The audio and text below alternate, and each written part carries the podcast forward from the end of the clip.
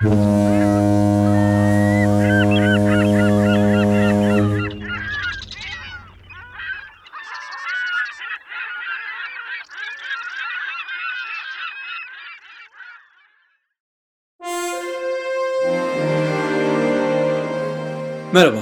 Aletli dalışa başlayan hemen hemen herkes Scuba'nın mucidi Kaptan Kusto ile sualtı dünyasının verdiği huzur ve sessizlik hakkında hemfikirdir. Halbuki scuba cihazından nefes alıp verirken, regülatörden çekilen hava valflerden geçerken, daha sonra itilen nefes egzozdan çıkarken bayağı gürültü yapar. Buna rağmen gördüğümüz güzellikler ve su altında konuşamamak dalıcılarda büyük bir sessizlik duygusu oluşturur. Kaptan Kusto'nun su altını tanıttığı en meşhur ve en güzel eserlerinden biri, Sessiz Dünya sayesinde binlerce insan aletli dalışa yöneldi. Aletli dalışta bugün biraz fazla para harcayarak, biraz da bunun üzerine eğitim alarak su altında konuşmak mümkün. Ama scuba icat edildiğinde su altında konuşmak mümkün değildi. İşte bu su altı dünyasını sessiz kıldı. Sportif aletli dalış tek başına yapılan bir spor değil en azından bir body ile dalmak gerekiyor ve hatta çoğu zaman bu dalışlar 4 ila 8 kişilik gruplar halinde dalınıyor. Peki yeryüzünde konuşarak anlaşan, tamam konuşsak da dünyanın mevcut haline bakınca aslında beceremediğimiz aşikar, iletişim kuran bizler su altında grup halinde dolaşırken konuşmadan nasıl anlaşırız? Su altında iletişim kurmak ve en azından suya girişimiz çıkışımız konusunda anlaşmak için, kimin ne kadar havasını kaldığını bilmek için, gördüğümüz bir sualtı canlısını body'mize veya gruptakilere göstermek için, bir problem yaşadığımızda göstermek için üç şey kullanıyoruz. İşaretler, bakışlar ve kurşun kalem, plastik kartlar. Su altında iletişim deyince aslında tüm bu iletişim suyun yüzeyinde başlıyor. Her dalış öncesi eğer gruptakiler birbirini tanımıyor ya da ilk kez birlikte dalıyorsa temel dalış işaretlerinin üzerinden dalış bilginin sırasında bir kez daha geçiliyor. Dalış işaretleri deyince ilk şunu söylemek lazım.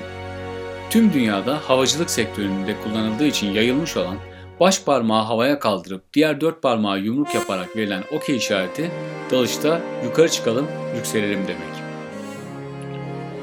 Aynı işaretin tam tersi baş parmağı aşağı ediğimizde de aşağı gidelim diyoruzdur. Dalış işaretlerinde çoğu işaret hem soru hem cevaptır.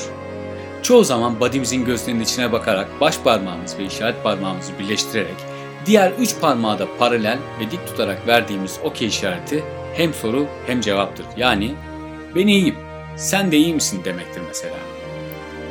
Okey işaretleşmesi aslında deneyimli bir dalgıç veya eğitmen için dalışa yeni başlayan birileriyle işaretleşirken birçok anlam yüklüdür. İyi bir eğitmen su altında size okey dediğinde işaret keskin ve nettir.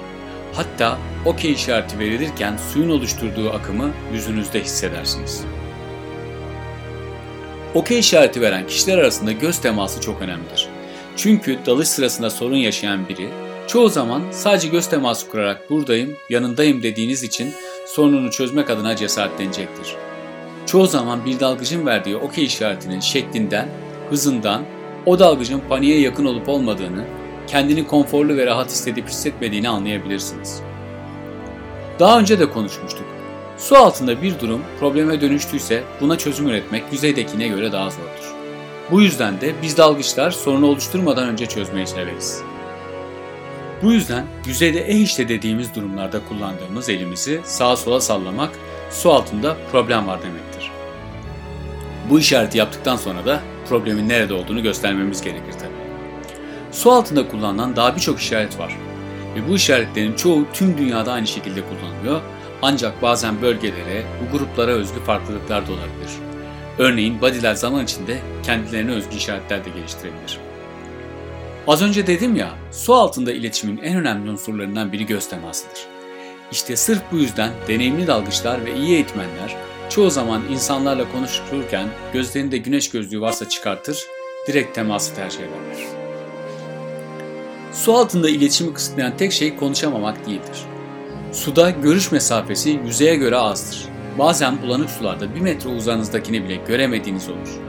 İşte böyle zamanlarda ışıkla yani fenerle de işaretleşildiği olur. Su altında işaretleri en verimli kullanabilmenin yolu yüzeyde iyi bir dalış planı yapmak ve dalış planını en net şekilde paylaşarak olur.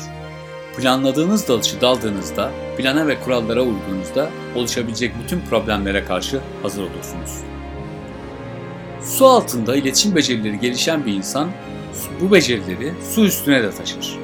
Su altında zor şartlar altında anlaşmayı öğrenenler yüzeyde daha sıkı ve daha iyi arkadaş olurlar. Kendimden örnek verecek olursam çok uzun yıllardır badim olan Murat Tutku ile dalış dışında da bir araya geldiğimizde hiç konuşmadan anlaşma lüksümüzü uzun uzun kullanırız. Su altı fotoğraf yarışmalarında badisi olduğum Aziz Saltık ile de hem su altında hem su üstünde sessiz iletişimimiz çok kuvvetlidir. Su altında sorunsuz iletişim kurabilen insanlar bunu hayatın her alanına taşır. İnsanların hareketlerinden, tepkilerinden daha hızlı ve kolay analiz yaparlar. İnsanların davranışlarına verdikleri tepkiler de daha sakin, daha yumuşak ve çok daha net olur. Kısacası aletli dalış ile su altında konuşmadan anlaşma becerisi kazanınca yüzeydeki iletişim problemlerini çözmek de çok kolay olur.